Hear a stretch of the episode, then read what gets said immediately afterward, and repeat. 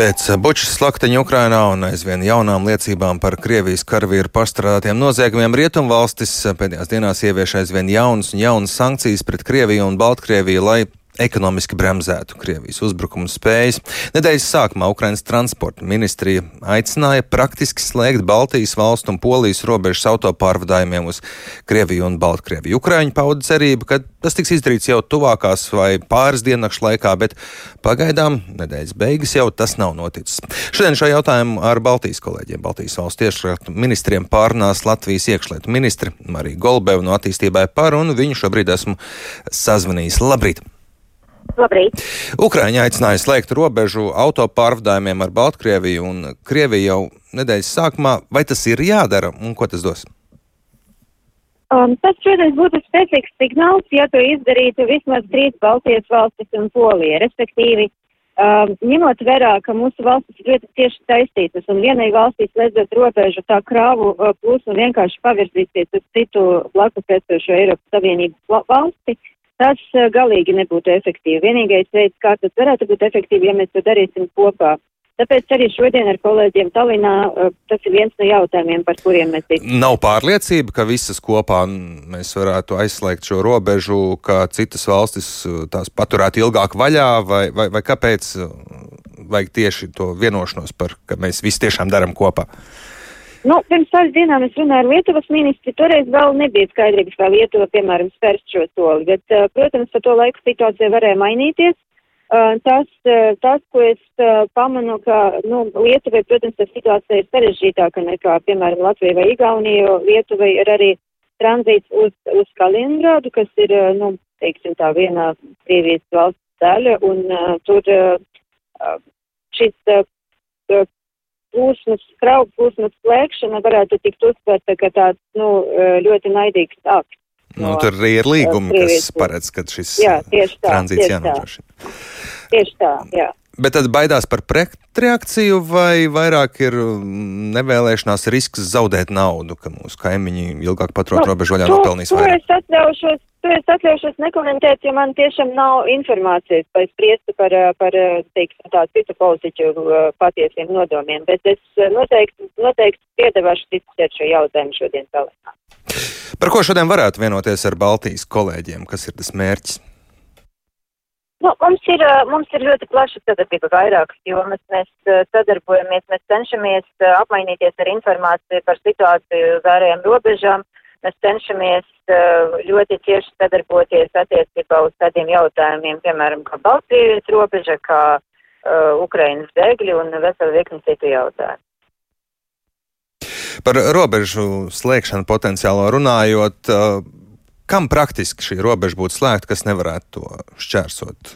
Kādu jūs redzat? Uh, nu, galvenokārt komerciāliem autopārvadājumiem, bet, protams, protams, tam nevajadzētu traucēt Latvijas valsts iedarīgiem, jebkurā brīdī atgriezties, ja runājot par Latvijas-Krievijas robežu, piemēram, uh, arī Ukrainas civiliedzīvotājiem, kas bēg caur Krieviju, tādi ir ļoti daudz. Mums kopš kara sākuma tur bija vairāki tūkstoši un attiecīgi, ne visi viņi palika Latvijā, bet, nu, Ukraiņi arī bēg caur Krieviju un līdz ar to, protams, ka viņus mēs arī kurā gadījumā ielaistu Latvijā. Uh, bet, nu, komerciālas kravas lielākoties tad tiktu, tiktu blokētas. Jā, ja Baltijas valstis vienojas, nu, mēs tomēr neesam vienīgās valstis, kurām ir robeža ar Baltkrieviju un tostarp arī Krieviju. Kas notiek, piemēram, mūsu mazliet Baltijas valstu kaimiņiem Poliju, Somiju? Ir pārliecība, ka tās arī pievienojas. Es domāju, ka ja, es domāju, ka ja Baltijas valstis vienotos, tad uh, būtu daudz lielāka varbūtība, ka Polija un Somija pievienosies. Bet uh, ir, protams, uh, lietas, kuras vislabāk būtu risināt Eiropas Savienības līmenī. Es vienkārši neesmu pārliecināta, ka to ir iespējams tagad ātri izdarīt. Vai Baltijas valstīm būtu jārāda piemērs? Um, šīs varbūt būtu neslikts solis, ņemot vērā, ka mēs uh, varbūt vairāk uh, reizēm apzināmies to, to, teiksim, tā kaitējuma pakāpi, ko nodara pašlaik Krievijai mūsu reģionam, bet, bet, kā es saku, mums jābūt pirmkārt ar kaimiņiem jābūt pilnīgai vienprātībai par šo, otrkārt arī, protams, citiem ministriem, satiksmes ārlietu ministram ir teikšana šajā jomā. mēs ļoti cieši koordinējamies savā starpā un, un um, tikai kopīgi varam pieņemt šo lēmumu. Par Eiropas Savienības līmeni runājot, uh, praktiskas darbības par to runājot jau notiek? Um, tas būtu drīzāk jautājums ārlietu ministrijai, bet es domāju, ka šis jautājums tiek pacelts diskusijas. Par jūsu atbildības sfēru bija ziņas, ka Krievijas puse kavē robežu čērsošanu Ukraiņu bēgļiem, kuri Latvijā vēlas iekļūt no Krievijas. Tas turpinās? Nu, jā, diemžēl, diemžēl ir vairāki piemēri, kad cilvēki ir turēti vairākas stundas un, un viņiem, protams, uzdod ļoti daudz jautājumu. Es domāju, ka daļai tā ir attieksmes izradīšana, daļai iespējams nezinājums kaut kādu informāciju no viņiem izspiest.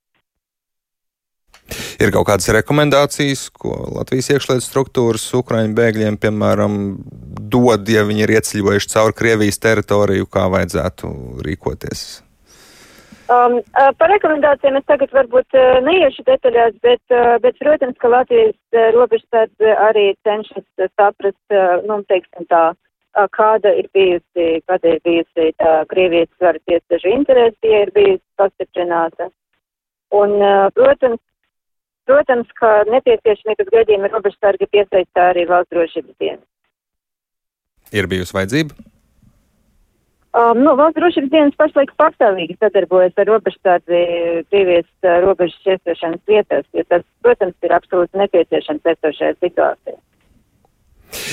Kas pēdējā mēneša laikā ir izdarīts, lai stiprinātu robežas ar Krieviju un Baltkrieviju? Varat izstāstīt? Um, starp Latviju un Baltkrieviju droši vien domājat. Mm, to starp arī Krieviju un, jā, Krieviju un Latviju un Baltkrieviju un Latviju.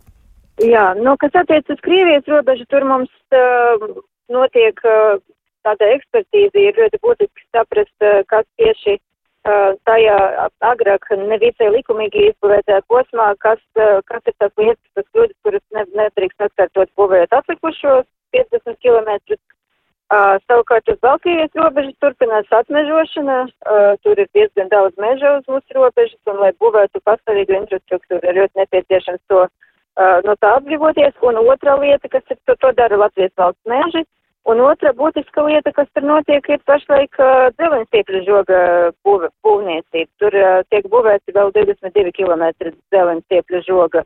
Savukārt attiecībā uz pastāvīgu infrastruktūru, uz, uz uh, to dzelzs uh, žogu, uh, notiek uh, intensīva tagad projektēšana, notiek uh, mat, apzināšana, kur, uh, kur var dabūt materiālus, un ar to viss nodarbojas uzņēmums, kurš ir parakstījis līgumu. Iepriekšējais uzņēmums galu galā paziņoja, ka nevar izdarīt to, ko grib, un žoga joprojām uz Baltkrievijas robežas nav. Ir garantijas, ka arī šis uzņēmējs nepazudīs. Nu, tas ir tas pats uzņēmums, kurš vienkārši pateica, ka nevar par to konkrētu summu, kura tev toreiz bija piedāvāta no ministrs kabinets puses līgumā, ņemot vērā, ka līgums tika uzrakstīts pirms kara sākuma. Uzņēmums paziņoja, ka ar jaunam cenam pasaules tirgos, piemēram, metāla cenu, nav iespējams vairs izbūvēt šos prioritārus posmus 85 km šogad, un tāpēc, tāpēc bija jāmaina tas līgums. Kad praktiski būs šīs žoks? Uh, nu, līdz gada beigām vajadzētu lielākai daļai šo prioritāro posmu būt izbūvētiem saskaņā ar līgumu, un um, kaut kur uz janvara beigām jābūt visiem izbūvētiem, respektīvi 85 km, un līdz 23. gada beigām pārējiem.